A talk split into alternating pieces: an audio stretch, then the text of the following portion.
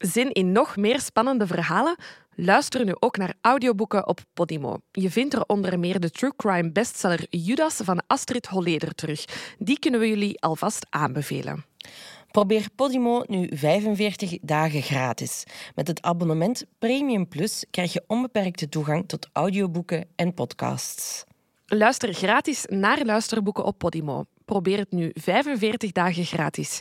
Surf naar podimo.nl slash volksjury voor deze speciale aanbieding.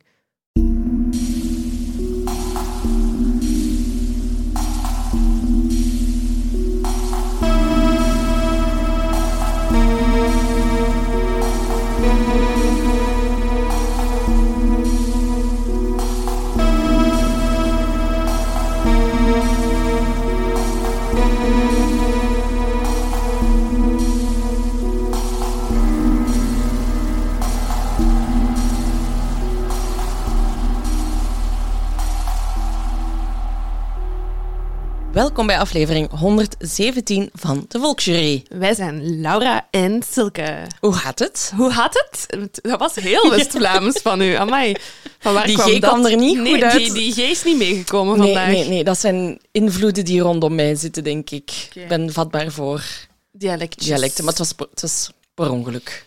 Hoe gaat het? Goed, met mij gaat het goed. Ehm, ik vraag mij alleen af waar de zomer is. Oh. Iedereen Hallo. vraagt het zich af. Hallo zomer. Hallo zon? Hallo universe? Do better. Ja, please, want dit is het niet. Nee, het ding is, ik, en ik heb er al vrede mee. We, we- we wonen in België. We hebben even zomer, niet lang. Dit jaar zijn we super laat gestart met die zomer. Maar zij dan consequent en blijf dan. Ja, het, het is gewoon, wij zijn op vakantie geweest, we hebben de zon gehad, superleuk. Wij komen terug en wij denken, oh ja, nu de Belgische zomer als het ware. Zo nog wel lekker terrasjes doen. Lekker terrasjes doen, het blijft lang licht buiten, fijn afspreken met iedereen, wijntje erbij, cocktailtje erbij. Nee, niks. Niks. Je gewoon kunt gewoon niks. niks doen. Het is de ene miserie na de andere. We waren gisteren ook op een familiefeest en de eerste helft van de dag was het nog goed weer, maar wij zijn moeten rennen naar binnen Ah, nee. omdat het ja, begon te gieten. En dan het is toch een andere vibe. Ja, en het is de vibe, ik ben er niet klaar voor. Ik ga daar eerlijk voor zijn. De herfst was nog niet gepland bij Nee, mij. maar ik heb echt de afgelopen week echt meerdere malen al gezegd: het is herfst. Laten we ook even stellen eh, dat we dit een week eerder opnemen.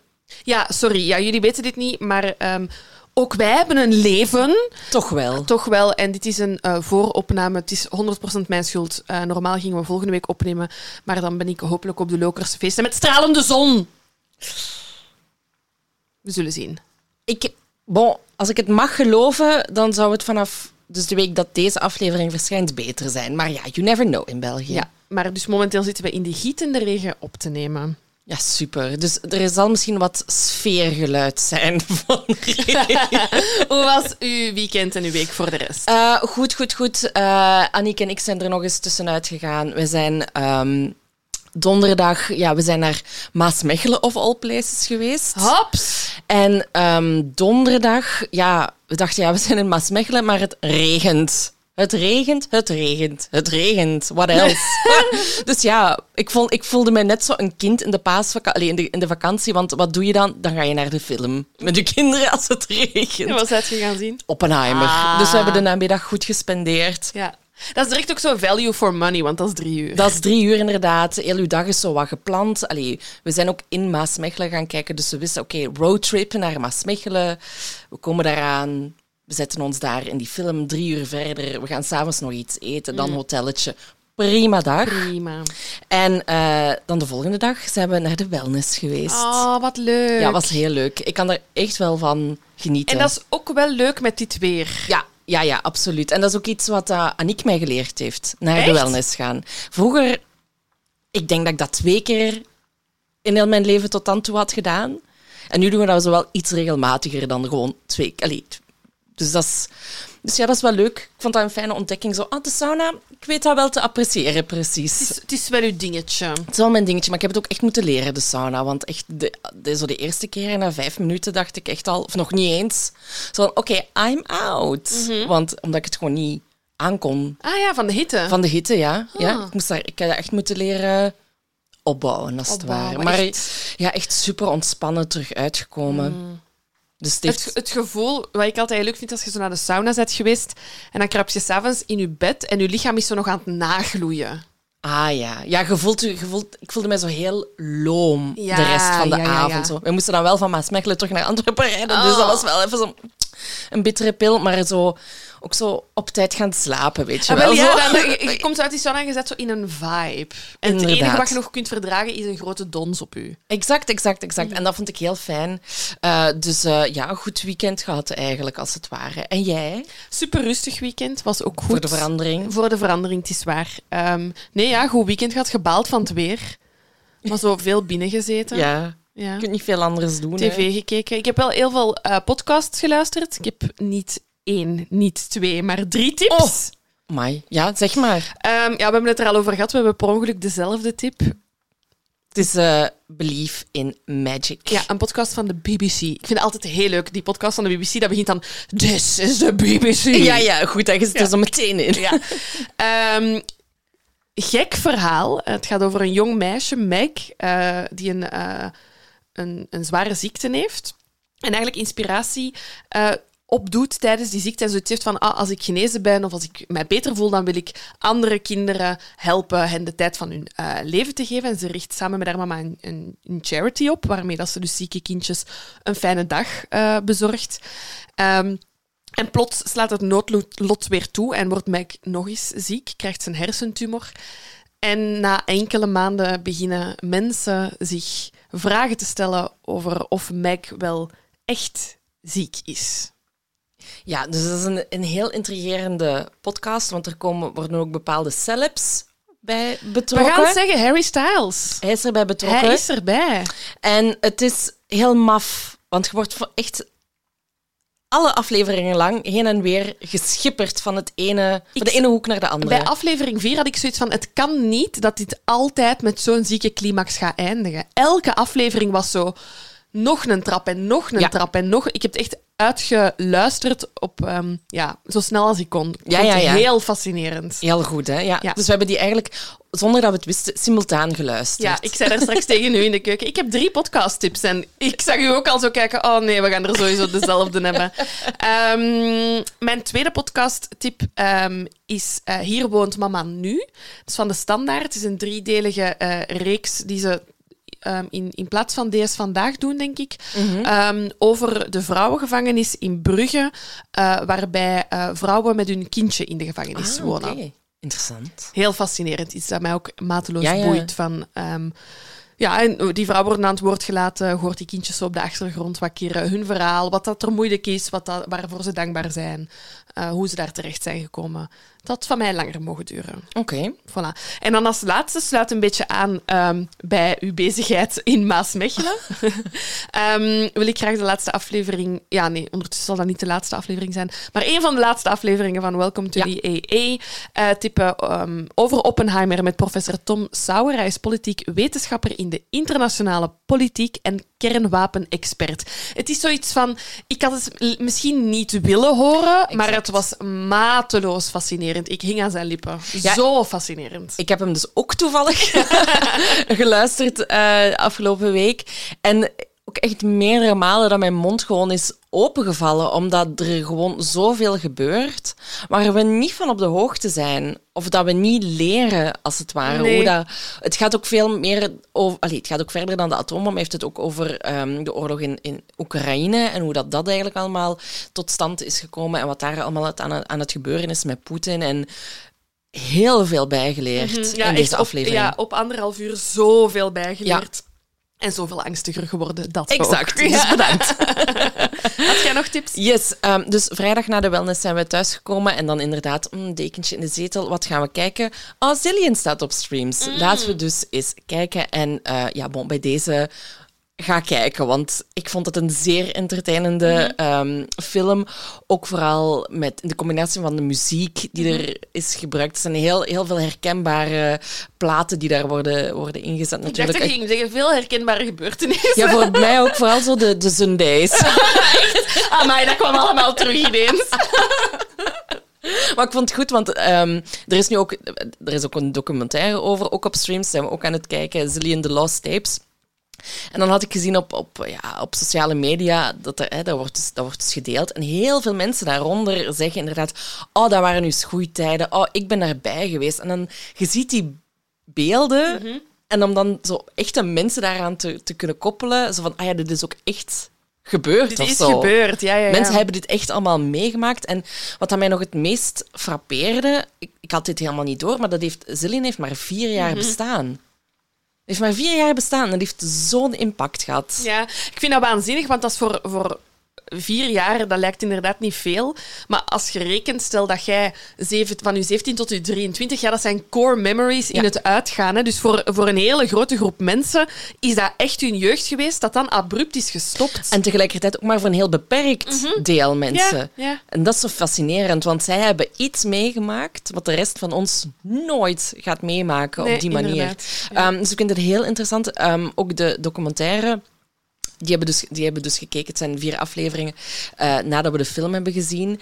Ehm, en er vallen wel zo wat puzzelstukjes in elkaar. Mhm. Omdat je bij de film kijkt, als je, als je die kijkt, dan denk je vaak van dat kan toch niet echt gebeurd zijn. En dan zo, ah ja, oké, toch wel. Dus Mhm. ik, vind het, ehm, ik vond het een heel eh, intrigerende film en documentaire. Ja, ook kudos aan streams. Eh, dit is niet gesponsord, maar er zijn nu, dus samen met Zillion is Close eh, ook op streams gekomen. De Acht Bergen komt er deze week op. Rebel staat er. Dus heel veel Vlaamse Ja, cinema is ehm, op streams. deze zomer op streams. Dat vind ik altijd heel leuk dan. Natuurlijk. Als je niet in de bioscoop bent geraakt, zijn allemaal warm aanbevolen. Zeker. Nog eens ja, ja. Want ik ben, ik ben bijvoorbeeld niet naar Zillion kunnen gaan in de, in de cinema. Dus ik ben blij dat hem online eindelijk is verschenen. Ik, had er, ik had er echt naar uitgekeken. Ik was echt aan het wachten. Zalig, Voilà. oké, goed. Dan hebben wij nog een eh, sponsor deze aflevering. En dat is ehm, ja, onze favoriete secte AirUp. Ehm, we hebben het al verteld, het is een eh, drinkbus waar dat je een pot op steekt. Je vult hem met water en je proeft een smaakje. We moeten nu niet uitleggen, dat is ehm, value for money. Want je vult dit met kraantjeswater. Zeer veel goedkoper dan flessen frisdrank eh, aan te kopen. Gewoon hops, die kraan onder. We hebben het vorige week al gehad over de Virgin Mojito smaak. een blijvertje wat ehm, mij betreft. Ehm, en ik voel mij ook altijd heel goed als ik een drinkbus... Ik voel mij zo in 2050 als ik een drinkbus mee heb. En andere mensen hebben dan nog zo een blikje of een, een flesje. Ja, ik... ik eh, niet, niet om te shamen of zo, maar ik vind het altijd... Maar nu gaat ze shamen. Maar ik, ik vind het altijd raar als mensen echt nog zo flessen plat water Mhm. kopen. Ja, en hier heb je, je hebt gewoon de upgrade. Snap je? Het is niet Ja. eens water. Je proeft ook lekkere smaakjes. Ja, dus ja, ik snap niet waarom je het niet zou doen. Zo mensen die hesitated waren, zo van, ah ja, maar een drinkbus en water en kraantjeswater. En, maar hier smaakt je ook gewoon lekkere dingen. Ja, ja, ja, inderdaad. Denk aan het milieu. Kom bij onze secte. er is nog plaats genoeg voor iedereen. Nee, ik ben, ik, ik ben er ook gewoon heel blij mee, inderdaad. En ik drink ook gewoon minder frisdrank hierdoor. En meer water. En meer water, ja. Ja. ja. Ik ben echt... Die fles staat naast mij. En ik moet echt om de vijf minuten, bij wijze van spreken, die fles gaan bijvullen. Gewoon, het is zo'n gewoonte geworden. En een gemak. En een ja. gemak, ja. Ja. Wil jij eh, ook een Arab? ehm, wil je bij de secte? Dat kan. We hebben zelfs een kortingscode voor jullie. Jullie krijgen 15% korting op alle flessen ehm, op air-up.com. Ehm, en onze kortingscode is de Volksjury 15 in grote letters. De Volksjury 15. En deze aanbieding geldt tot 31 augustus. Ja, niet twijfelen. Voilà.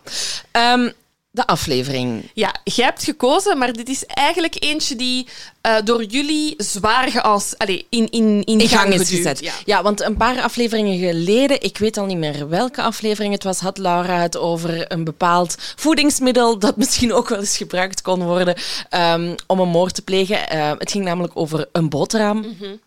En eh, daar is echt onmiddellijk vanuit Nederland voornamelijk eh, heel hard op gereageerd van ah, maar dan moeten jullie zeker deze zaak eens doen. Gaan we het al zeggen? Nee. Nee, we gaan het nog niet zeggen. Ehm, en eh, bon, ik ben eigenlijk meteen op zoek gegaan naar materiaal om, om te researchen. Maar dat was heel moeilijk. Dus het is met enige vertraging dat we nu die aflevering maken. Want wij wouden eigenlijk onmiddellijk die aflevering daarna maken. En dan was ik op het boek gekomen Moordverhalen van Gerlof Leistra. En ik dacht, oké, ik heb het gevonden, ik ga dat kopen of in de biep halen. nergens te vinden. Het is echt ongelooflijk. Ehm, en dan dacht ik, ja, bon, dat is een door Nederlander geschreven. Wat is de tegenhanger van tweedehands.be? Mhm. Marktplaats.nl. Dus ik daarop gaan kijken.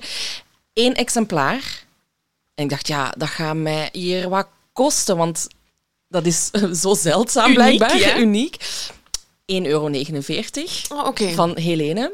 Dank u, Helene. Dank u, Helene. En die heeft dat ook echt meteen opgestuurd. was onmiddellijk in orde. En ik ben al geript geweest op marktplaats.nl. Ja? Wat, wat heb je al meegemaakt? Ehm, dat was eh, toen ik nog in Utrecht studeerde. En Cella Sue kwam naar Utrecht. En we hadden kaartjes gekocht via Marktplaats. Mm. Toen bestond Ticketswap nog niet. En die tickets... ticket- die ticketjes zijn nooit aangekomen. dus, Oh, eh, meen ja, en we waren ook niet de enige die afge... Allee, in het zak waren gezet. Dus ik, nou, ik met enige twijfel toch dat boek gekocht. Maar Helene, ik weet niet of ze luistert of ze ons kent. Ik denk het niet. Maar toch bedankt voor de fijne samenwerking. En daardoor kunnen we nu deze aflevering maken. Ja, dat was ook heel schattig, want Silke had natuurlijk het boek. Er was maar één exemplaar. Dus ze heeft echt gelijk een bommaatje foto's gepakt van elke pagina, die ik dan heb afgedrukt. Want ik kon ook niet arceren online, hè, want dat was gewoon de foto. Dus dan heb ik een, een, een, een boek geprint op A4-papier en dan zo alles Kijk, en zo komt alles goed, als het ware. Ja, Eh, zullen we eraan beginnen? doe maar. Ehm, het is 22 juli 2003 en ehm, de 30-jarige Judith Noordremans vertrekt die dag naar haar werk. Ehm, ze werkt als orthopedagoge bij de RIAG in het Nederlands-Limburgse Sittard. En een RIAG is eigenlijk dat is de afkorting voor een regionale instelling voor ambulante geestelijke gezondheidszorg. Het is een Nederlandse instelling voor geestelijke gezondheidszorg voor diagnostiek en behandeling van mensen met een psychiatrische of psychische aandoening. We hebben dezelfde ehm, website gebruikt. Kijk. Ehm, en het gaat dus eigenlijk om mensen voor wie dat ambulante zorg ehm, voldoende was. Dus eigenlijk opname in een psychiatrisch ziekenhuis is niet nodig. Maar die, hun problemen zijn alsnog te ernstig of te complex om gewoon enkel door een huisarts geholpen te worden of een maatschappelijk werker. Dus eh, Judith is daar aan de slag. En ze werkte vooral samen met mensen die op het autisme-spectrum zitten. Ehm, we gaan het vanaf nu afkorten als ASS, Ja. autisme-spectrumstoornis. En eh, ja, ze werkt daar samen met die mensen die, die dat hebben en samen ook met hun familie. En die dag, hè, dus 22 juli 2003, we- ziet ze, ja, gaat ze eerst langs bij de 13-jarige Gilles hè, in, de, in de RIAG. En Bea, zijn moeder, is daar ook. En Judith praat eigenlijk met haar over hun aanstaande vakantie naar Frankrijk. Want eh, Judith zou meegaan met Bea en haar gezin, zodat zij ook de zorg zou kunnen opnemen voor Gilles. hè. Heel nobel. Ja. Ehm, nu, die voormiddag eh, staat er ook een teamvergadering eh, op de agenda van Judith. En terwijl die plaatsvindt, wordt Judith eigenlijk rond half twaalf plots onwel. Ze wordt daar niet goed. Ze heeft daar een hapje genomen van haar broodje. Eh, ze begint te hyperventileren, ze wordt misselijk. En die situatie escaleert eigenlijk heel snel. Hè?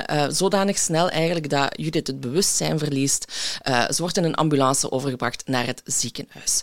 Judith heeft ook een vriend, die wordt op het moment dat ze nog ehm, op haar werk is gebeld. Van, hey, je moet nu afkomen, want het gaat niet goed met Judith.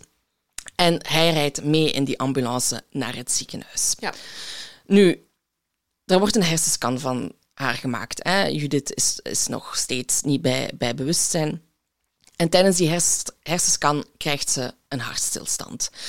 Dokters proberen haar nog tot drie keer toe te reanimeren, maar dat lukt niet. Daar slagen ze niet meer in. En dan om 16.52 uur wordt haar overlijden vastgesteld. Nu, het opmerkelijke daaraan is, is dat Judith vlak voordat ze in coma is geraakt nog iets heeft gezegd. Namelijk dat haar broodje helemaal niet naar pindakaas smaakte. Een korte bio van Judith. Ja. Dus Judith is eh, Judith Noterman en zij werd op 5 oktober 1972 geboren in Paris, Frankrijk. Ehm, wat doet zij daar? Haar eh, ouders Eugène, eh, een Nederlander, en Marie-Jeanne, een eh Parisienne, werken daar ehm, als socioloog enerzijds en als onderwijzeres anderzijds voor de organisatie Vierde Wereldbeweging. En die hebben als doel om armoede uit de wereld te bannen. Ook weer heel nobel, hè? Heel, het is duidelijk van wie Ja. dat ze haar toewijding heeft. Ze heeft twee jongere broers, uh, Thomas en Matthijs. En uh, met Thomas heeft ze een zeer bijzondere band. Thomas um, heeft het syndroom van Down. Um, maar toch is het iemand met wie dat Judith... Um, allee, toch. Ze heeft een warme band met hem mm -hmm. en uh, ze trekt graag met haar broer op. In 1977 verhuist het gezin dan terug naar Nederland, naar Den Haag eerst. En uiteindelijk verhuizen ze naar Heerlen in de provincie Limburg. En daar gaat ze naar, naar, naar, naar school, naar de brugklas, zoals in het boek stond. Dat is voor mij het heel uh, onvatbaar, de brugklas. Ja, voor mij is dat iets wat een woord dat ik ken door naar uh, televisie vroeger ah, te ja. kijken. Ja. En toch had je ook zo geen boek, zo de brugklassers of zo. Dat zo, ja, bon. Ik ken het van, van Beugelbekje of zo. Die oh ging ja, dat... ja, ja, de brugklas. Ja, ja, zie, het is zoiets. Maar ik kan niet zeggen, ja, ik kan het nu wel opzoeken, maar ik, ik wil zo niet weten welk jaar geen het is. idee wat, hoe oud mensen ja. zijn in de brugklas. Um, maar daar maakt, ze, uh, daar maakt ze een vriendengroep eigenlijk, met wie dat ze nog tot, ja, tot op haar 30, uh, 30-jarige leeftijd um, heel nauw zal zijn. Haar vriendinnen beschrijven als, haar als iemand um, dat um, zorgend is voor anderen, dat dat heeft als tweede natuur. Waar houden ze zich mee bezig in hun vrije tijd? Ze gaan naar concerten van Frank Boeien, Doe Maar en de Dire Straits. Zalig. Lijkt mij fantastisch. en aan het eind van de middelbare school, heel bijzonder, trekt haar gezin naar Thailand. Ja. En daar gaan ze in Bangkok wonen, in, tussen de sloppenwijken. Um, moet heel leerrijk zijn. Mm. En dus een jaar na haar vriendinnen begint Judith pas aan hogere studies. Ze trekt naar Utrecht uh, en daar gaat ze or orthopedagogie studeren. En daar ontmoet ze ook Jeroen, dat is haar eerste vriendje. Is een jongen die in uh, Aken studeert, maar hij woont net over de grens in Nederland. Dus op die manier hebben ze elkaar uh, leren kennen. En nog tijdens haar studies uh, begint Judith eigenlijk um, te werken met kwetsbare kinderen. En ze vertelt daarover tegen haar vrienden, kijk, het is super zwaar, maar ik leef voor elke millimeter vooruitgang dat ik met die kinderen boek. Dus lijkt mij een heel warme jonge vrouw die de ander voorop stelt. Um, in 1997 studeert Judith af en ze krijgt onmiddellijk een baan aangeboden bij die RIAG in Sittard. Um, besteedt in haar vrije tijd veel uh, tijd aan vrienden en familie. Ze is zeer attent. Uh, met haar broer Thomas doet ze verschillende uitstapjes naar de bioscoop en naar wedstrijden van Ajax. En alles lijkt dus goed te gaan in haar leven. Maar plots springt haar relatie met haar grote liefde Jeroen af. En dat valt haar echt zwaar, want voor, voor Judith was dat de man met wie dat ze de rest van haar leven ging doorbrengen. Maar um, op 31 juli 1999 leert Judith iemand nieuw kennen. Na de Ronde van Heerlen heb ik ook even gegoogeld. Het is een, mm, een naadtour wielerwedstrijd met achteraf een groot feest. Zoals het hoort. Uh, ja, alle grote sporters die hebben meegesprint in de uh, Tour de France zijn daar dan. Mm. Die kan je dan spotten. Um, en dus na de ronde van Heerlen um, op het feestje ontmoet ze Bart. Uh, Bart had Judith eigenlijk onmiddellijk gezien. Zij is daar met een vriendin aan het dansen. Hij ziet hoe spontaan en hoe vrolijk ze is. De dansmoves zullen, in, um, zullen hem goed zijn afgegaan. En hij spreekt daaraan en hij zegt... Ik kom morgen vroeg bij u thuis een ontbijtje brengen. Hij doet dat en het was beklonken. Het was beklonken, hè. Um, even over Bart dan. Um, Bart is op 12 augustus 1976 geboren in Heerlen. Zijn vader is timmerman, zijn moeder is een huisvrouw. Hij heeft ook nog een jonger zusje. Nu, het gaat Bart eigenlijk veel minder goed af als uh, Judith, want hij wordt namelijk veel gepest. En ik kan daar thuis ook gewoon niet over praten, want er wordt gewoon toekoor niet ges gesproken over gevoelens in dat gezin. Hè. En er zijn dan ook blijkbaar heel veel regels waar dat hij zich aan moet houden. Um, leidt er eigenlijk ook toe dat Bart op latere leeftijd veel gaat drinken eigenlijk. Tijdens zijn studies begint dat eigenlijk. Hè. Hij studeert technische scheikunde.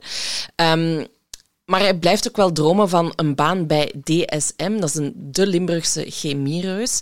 En DSM zegt over zichzelf. Um, we zijn vernieuwers in voeding, gezondheid en beauty. En ze ontwikkelen, produceren en combineren vitale voedingsstoffen, smaken en geuren om, groeiende, om de groeiende wereldbevolking te laten floreren. Um, en ik heb ook gelezen dat ze een gigant zijn in enzymen en vitamines. Veel vraagtekens. Dus veel vraagtekens. Het is mij nog steeds niet duidelijk. Wat maken jullie? ja, iets met vitamines en enzymen. Um, maar goed. Goed dat ze er zijn, waarschijnlijk. Um, nu, Bart en Judith, eh, eigenlijk vanaf het begin kunnen die heel goed praten met elkaar. Hè? Sorry, ik wil nog één iets zeggen. Zeg iets waar ik hard mee heb moeten lachen. Ja. Over Bart werd gezegd, eh, zijn hobby's zijn handbal spelen en internetten. Dat woord heb ik sinds 2003 niet meer gehoord. Internetten, ja. Ik zie het mijzelf ook wel nog opschrijven in zo'n ehm, in zo'n vriendenboekje. Wat zijn je hobby's? Internetten. Het is van 2008, het boek. Maar het, Oh, Oké, oké. oké. maar het voelt inderdaad very early Dat is- 2000s. Zeggen jullie dit nog, kiddo's? Internetten? Mijn hobby is Het internetten. werkwoord. Ja, dus niet internet, het product, maar internetten. Internetten. Ik alleszins niet. Maar het is wel nog altijd mijn hobby. Laten we terug... Bring back, bring back, internetten. Ja.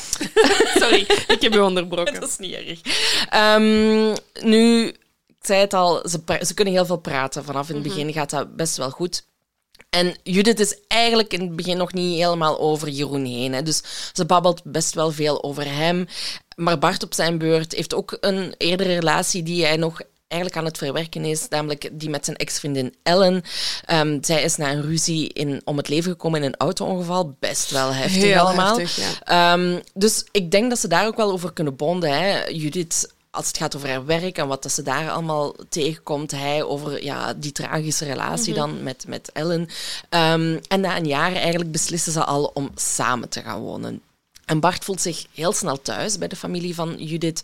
Ehm, hij zelf wordt, wordt gezien als vriendelijk, behulpzaam, maar hij blijft wel gesloten. Hè. Hij heeft natuurlijk nooit leren communiceren. Nee. Het zal wel gezin. intens zijn om dan zo in de start van uw relatie direct alle twee met hele grote issues bij elkaar terecht te komen. Dat zal wel moeilijk zijn om u open te stellen Ja, of ja zo. inderdaad, inderdaad. Nu, ondertussen is hij wel gestopt met drinken ook. Mhm. Ehm, en hier inderdaad had ik... hij zit veel op het internet, dus ik had het werkwoord internet Dat staat letterlijk in dat boek. Ja, inderdaad. Ik dacht, ja, ik ga internetten niet gebruiken. Dat is gepasseerd. Dat laten we in 2008. inderdaad. nu, ehm, het gaat verder. Eh, ze kopen zelfs een sfeervolle jaren 30 woning in januari 2003. Ehm, dus ze zijn eigenlijk best wel... Allee, ze zijn van 1999 samen, als ik het goed heb. Dus eh, going steady, als het ware. Eh, en die woning kopen ze net buiten het centrum van Heerlen. En het is vooral Judith die eigenlijk voor de inrichting zorgt. Hè. Veel bloemen en planten staat er in het boek. Ehm, maar ze hebben dan net dat huis gekocht, dat is net ingericht. En Judith begint toch te twijfelen over die relatie. Ja, ze gaat met een eh, vriendin wandelen en daar spreekt ze die twijfels voor het eerst uit. Hè. Ze zegt, kijk, ik, ik, ik wil echt heel graag trouwen en ik wil kindjes krijgen. Dat is echt de volgende stap in mijn leven. Maar ik ben niet zeker of Bart daar klaar voor is. Hè. Ik heb het gevoel dat er langs zijn kant een beetje terughoudendheid is over die volgende eh, stap in onze eh, relatie. En ehm, ja, tegenslag komt dan ook nooit alleen. Ehm, want Bart, ehm, zoals jij zei, wou heel graag bij DSM eh, gaan werken. Probeert daar te solliciteren ehm, en wordt eigenlijk afgekeurd op basis van een psychologische eh, test. Daaruit blijkt dat hij onzeker en impulsief is. En dat valt hem echt zwaar en hij sluit zich een beetje af voor Judith. Hij kan daar heel moeilijk eh, met haar over praten. En op zijn huidige job ook heeft hij heel veel stress. En Judith voelt van, oké, dit zit hier niet goed, Bart heeft mij nodig. Dus ze beslist eh, om in juli van 2003 een weekje vrij af te pakken om eh, samen met Bart eh, tijd te spenderen. En als ze in die weekjes onder de middag bij haar ouders gaat eten, dan lucht ze haar hart en zegt, kijk, met mij gaat het goed, tussen mij en Bart gaat het goed, maar met Bart zelf gaat het echt niet goed op dit moment. Nee, hij, slu- hij sluit zich inderdaad meer en meer af en hij is steeds meer aan het internetten ook. Ehm, nu, vlak voor haar dood belt Bart met de ouders van Judith en die zegt, kijk, jullie dochter ligt in coma. Het gaat heel slecht met haar. Ehm, dus die ouders raken nog op tijd in het ziekenhuis. Maar helaas moeten daar met z'n drieën dan zien hoe dat Judith eigenlijk komt te overlijden. Hè. Nu, ehm, Bart is aan het praten met, met de ouders van, van Judith en hij zegt, ja, kijk, gisteravond hebben we het nog gehad over dat we beslist hadden van toch te trouwen en, en kinderen te krijgen. Hè. Dus volgens Bart ja, Ging alles heel ging goed. alles heel Ja. goed. Hè. Dus het komt voor, komt voor iedereen super onverwacht. En de ouders van Judith hebben ook zoiets van, fuck, dat is nu al de tweede keer dat hij op een tragische wijze zijn vriendin verliest. Ehm, nu, het is zo dat Judith had beslist van kijk, ik wil mijn organen doneren. Hè. Dus de dokters vragen ook, dus de dokters vragen aan, aan de ouders en aan Bart van kijk, gaan we dat doen? Ja, Hè, en geven ze jullie staat daar- opgegeven Ja. zo. ehm, Geven jullie daar toestemming voor? Dus ik weet niet hoe dat... dat ik denk bij ons, in België zet je automatisch orgaandonor. Ja. Maar ik denk dat je in Nederland dus nog moet aanklikken van ik wil orgaandonor zijn. Mhm. Ik denk dat dat het verschil is, maar ik ben niet 100% zeker. Ehm, nu, aangezien Judith dat heeft aange allee, aangegeven, zeggen ze van ja, doe maar.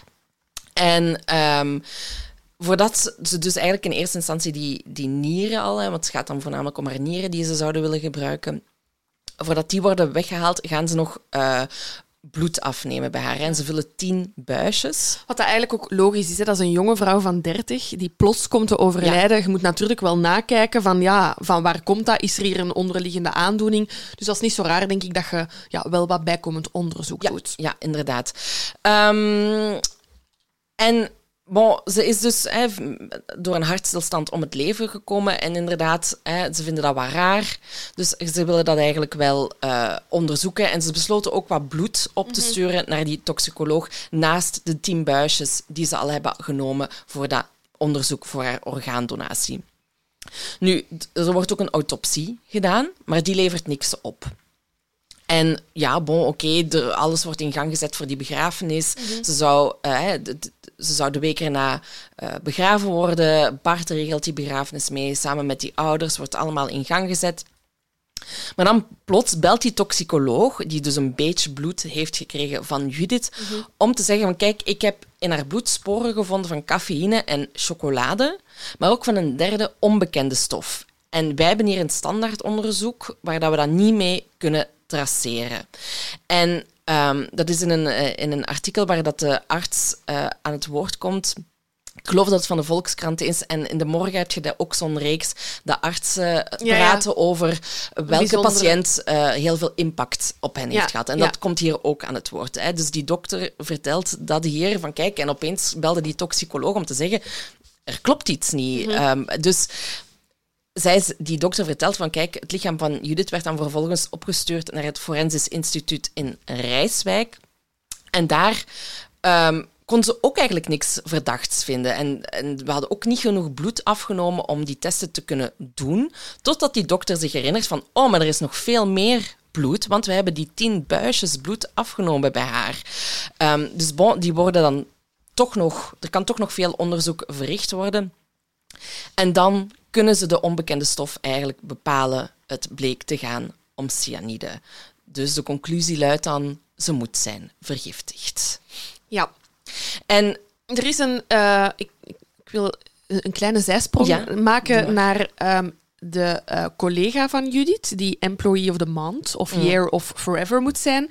Ehm, want nadat Judith in elkaar is ges, eh, gestuikt eigenlijk op haar werk ehm, en met de ambulance is afgevoerd, heeft een collega haar broodje ingepakt en bijgehouden. Ja. Ehm, en wanneer uitkomt dat eh, Judith vergiftigd zou zijn, komt Employee of the Month Year Forever met dat broodje naar voren en zegt: Misschien moeten we dit dan ook even onderzoeken. Maar wat blijkt, op het broodje zelf wordt geen cyanide teruggevonden.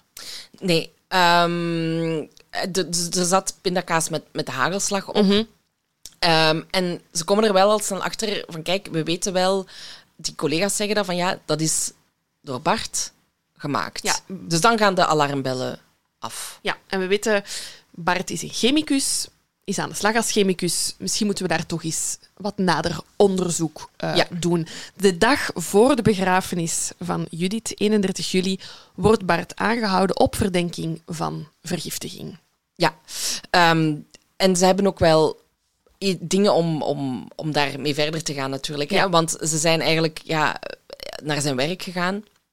En daar in zijn bureau laden hebben ze twee flesjes met natriummazide en theobromine aangetroffen. En nu- geef ik mensen één seconde de tijd. Als je, als je stel dat je nu chemie studeert, dan moet dat wel cool zijn, want jij weet nu wat dat er gebeurt en wij niet. Ja, Oké, dus voor iedereen dat het niet studeert. wacht, moet ik dit? Nee, nee, je moet dit laten. Je moet dit laten. ah, ja. Maar eh, moest ik... Ik las dit en ik was zo, ja, ik weet niet wat die Wat twee soffen, soffen samen doen. Maar misschien dat er mensen naar ons podcast luisteren Ah, zo, ja, ja. en nu zoiets hebben. Oh my god! Oké, maar nu, nu, hebben ze tijd genoeg ja, gehad. nu hebben ze tijd genoeg gehad. En anders heb je een examen. Dus Want Silke, wat doen die twee stoffen als ik samen? het goed uitleg, als ik het goed heb begrepen, we gaan hier ook weer heel veel DM's over krijgen. Want chemie is niet mijn forte.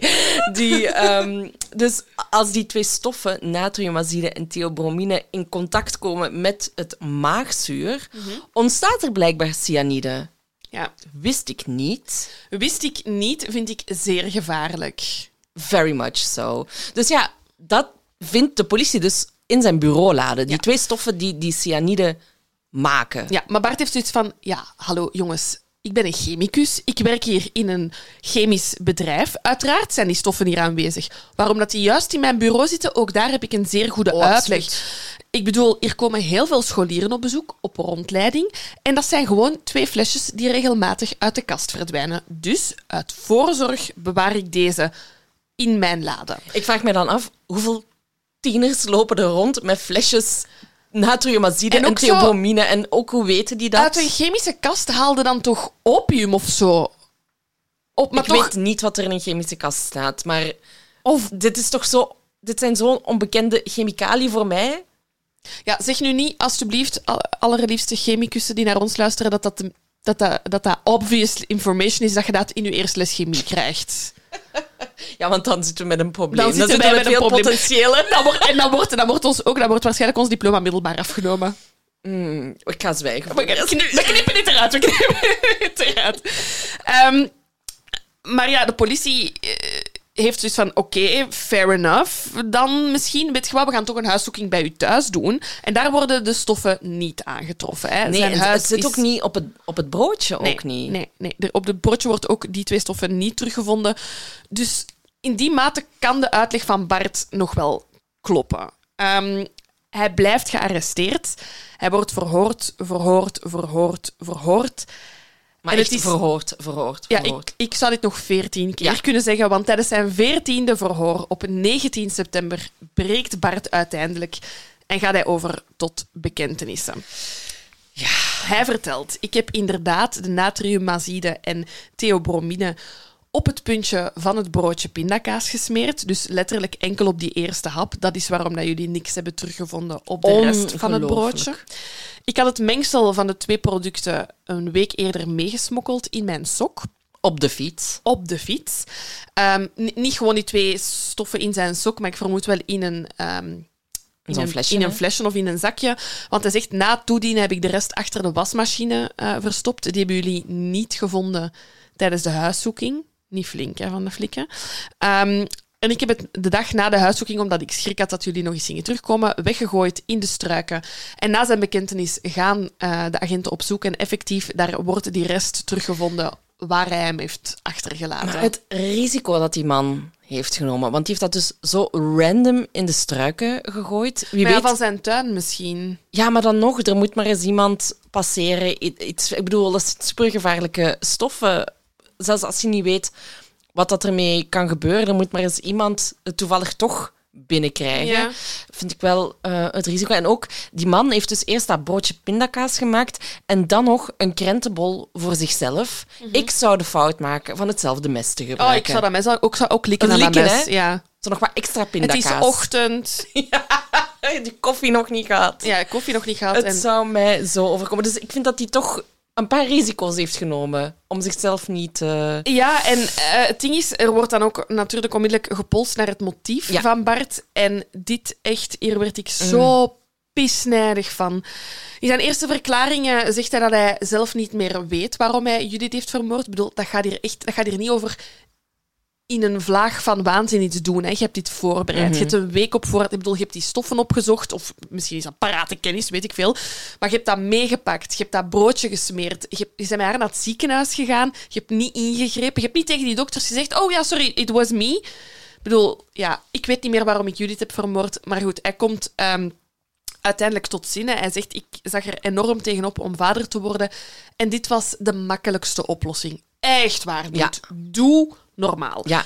De politie... Oh, sorry. Nee, nee, nee. ehm, hij zegt van ja... Hij zegt er ook over, ik was een gigantische puinhoop aan het maken van onze relatie en ik deed Judith verschrikkelijk veel verdriet. Ehm, maar we komen er zo nog op over waarom dat hij zo geredeneerd heeft. Ik, ja, maar ook zo... ik doe haar verschrikkelijk veel verdriet. Dus ik kan de relatie beëindigen. Ik kan mijn eigen leven herpakken. Nee, wat ik ga doen, is ik ga mijn Mm, vriendin tuurlijk. vermoorden. Ja. Nu, ehm, de politie komt ook te weten dat Bart al jaren een dubbel leven leidde. Via het internetten Ja.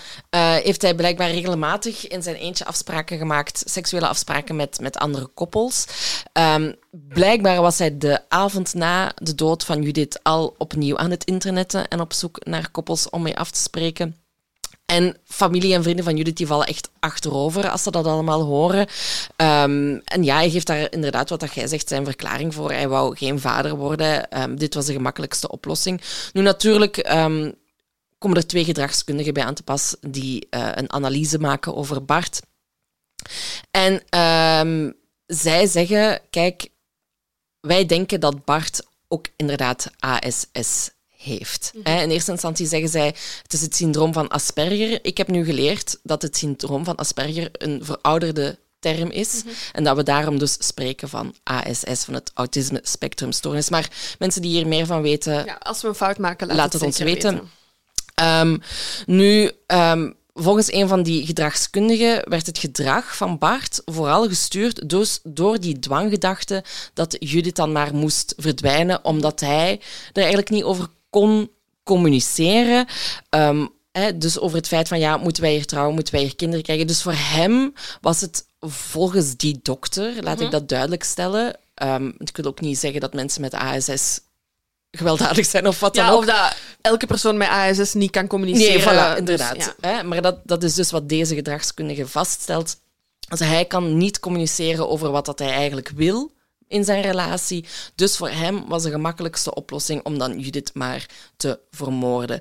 Ehm, even kijken. Ja, dus hij zegt van ja, dus door dat gebrek aan die communicatie liepen die spanningen steeds verder, verder, verder, verder op.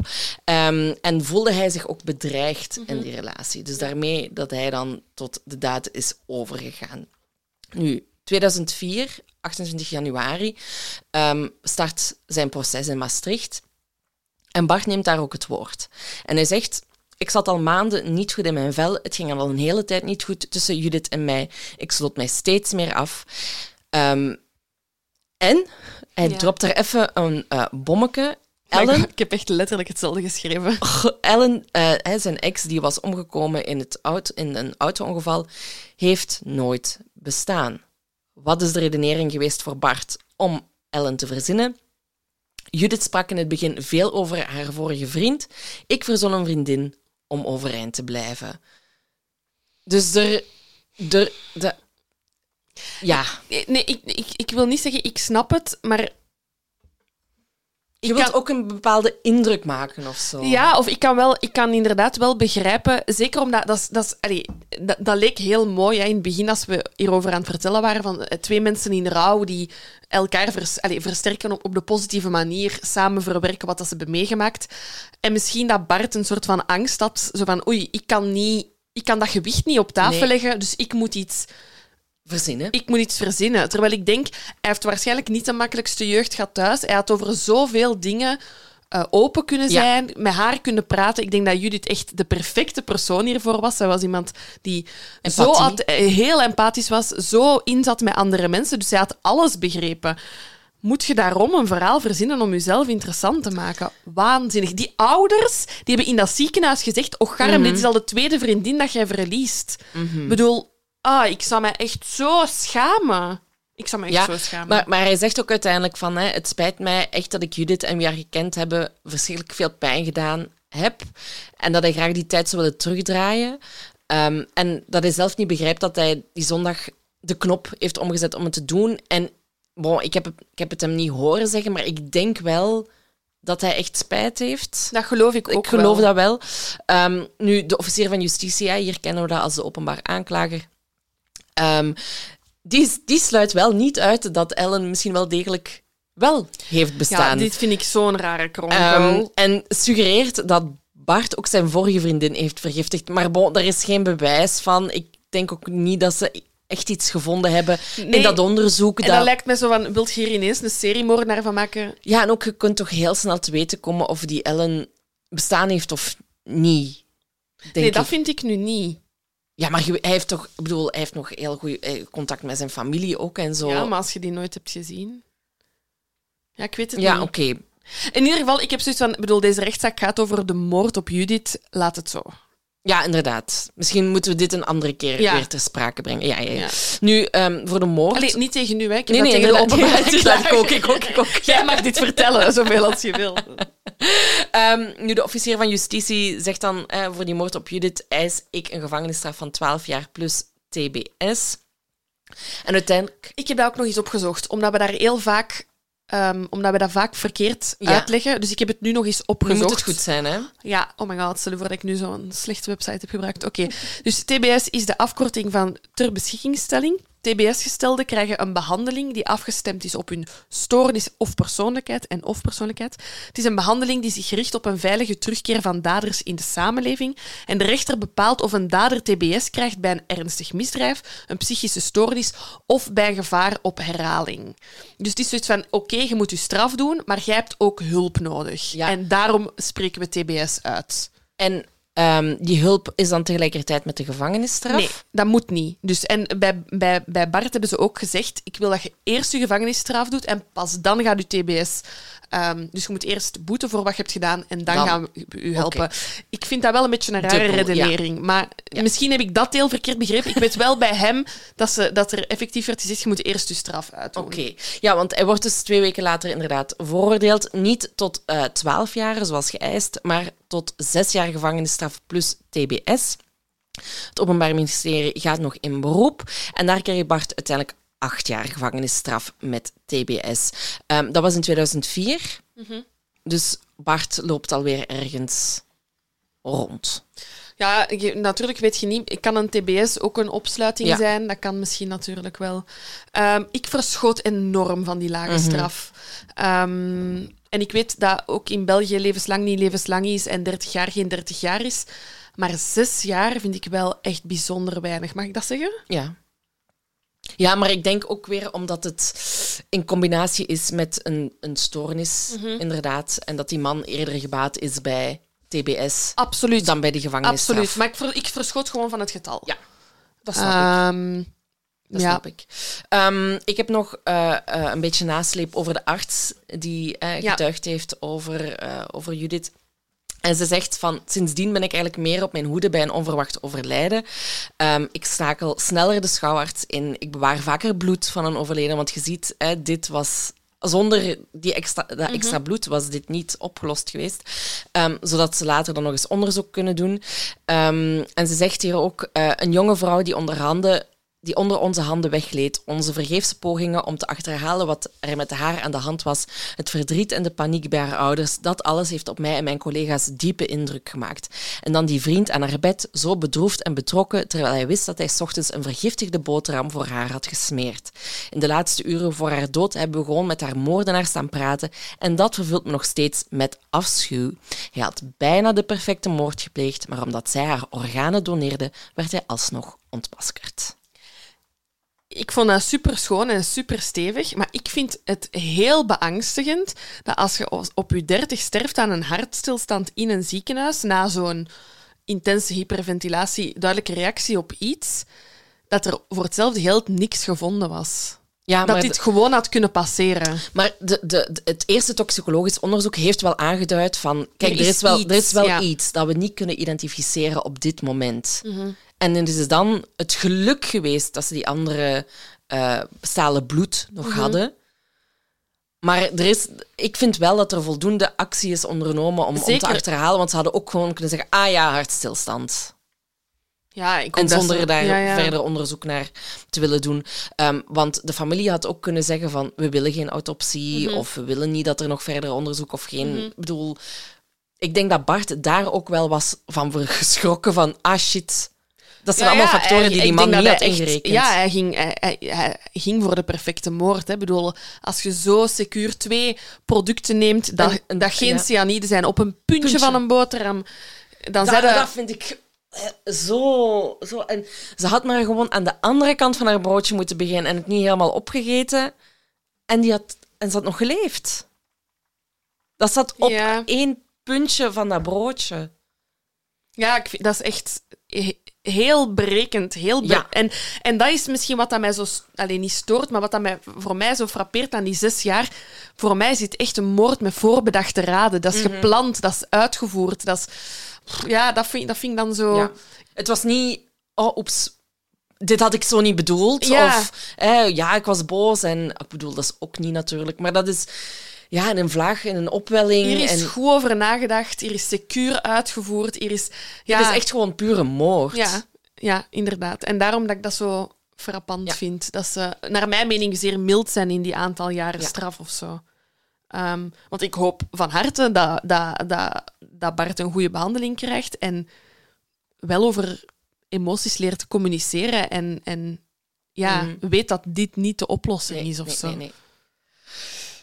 Ja, de pindakaasmoord. Ja, zo wordt hij genoemd. Zo wordt hij genoemd. Ehm, dus bedankt om hem... Ik kende hem nog ik niet. eet elke ochtend pindakaas. Dat is goed, hè? Ik vind het ook lekker. Ook met de hagelslag of zonder? Ah ja, nee, ik doe dat in mijn eh, havermout. Ah, oké. Ja. Maar bon, moet ik, ik zou, proberen. ik zou pindakaas op alles eten. Ja, lekker, hè? Eet jij ook graag ehm, ijs? Ah, nee, dat is speculoos. Never mind. Nee, maar ik snap de... Ik dacht dat er ook pindakaas... eh, Oeh, nieuw... Het bestaat sowieso. Jammer. Het bestaat sowieso. Je hebt hier niets nieuw uitgevonden. Ehm, smeert jij de boterhammen van Aniek soms? Heel af en toe. Maar ja, je bent ook wel de kok thuis, ik, ben ook, hè? ik, ik, ik hoef niet per se de boterhammen te smeren om... eh, Nee, nee, ik maak het eten thuis, ja. ik ook. Hey, Lucas. Ehm, Maar ik heb, voor zover ik weet, geen toegang tot die chemicaliën. Dus Nee, nee ik, dat, dat, was ik, dat wou ik nog zien of, dat, of dat wij die ook vrij konden verkrijgen als je dat wilt kopen Ah, of zo.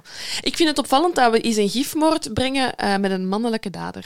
ja, inderdaad. Ja, klopt, klopt, klopt. Meestal zijn dat vrouwen die dat doen, hè. Ja. Maar bon, als we, ik, uiteraard kennen we Bart niet, maar ik snap dat hij niet aanwezig wou zijn. Als ik zijn karakter een beetje kan begrijpen, Mhm. lijkt het mij niet iemand die de confrontatie van moord wil... aan- of er niet wilt bij zijn. Ja. Snap je? Hij had daar ook thuis kunnen vergiftigen. Maar het feit dat hij dat doet, zodat hij het niet moet zien... Maar zo dat doen, weten dat uw vrouw of, allee, of uw vriendin vertrekt naar haar werk. Jij gaat zelf ook gewoon naar je werk trouwens. En dan zo, oké, nu is het wachten. Ja, dat vind ik wel dat vind ik Oh. moeilijk. Gewoon zo dat uitvoeren en dan afwachten. Dat is ook een soort van in koele bloeden, hè. Gewoon- Ja, ja, ja. Ja, ja, daar, ja, ik zeg het daarom, dat strookt niet bij mij met de uitslag van die rechtszaak. Of zo. Heel interessant. Heel interessante zaak. Eh, dank u allemaal om hem zo uitgebreid eh, te We zijn suggereren. echt doodgespamd met... eh, Ja, de- echt. Ik ga nooit meer over een moordwapen zeggen. Oh, zou daar iets mee? ah, ja, of jawel, hè, want we hebben We hebben wel een leuke tip gekregen, Ja, natuurlijk. Zo, jongens, dat was het weer voor vandaag. Was het weer hopen op beter weer? Ja, hopelijk, hopelijk schijnt de zon als deze aflevering Ja, uitkomt. fingers crossed. Dankjewel om te luisteren. Love you allemaal. Love you, bye bye. Bye.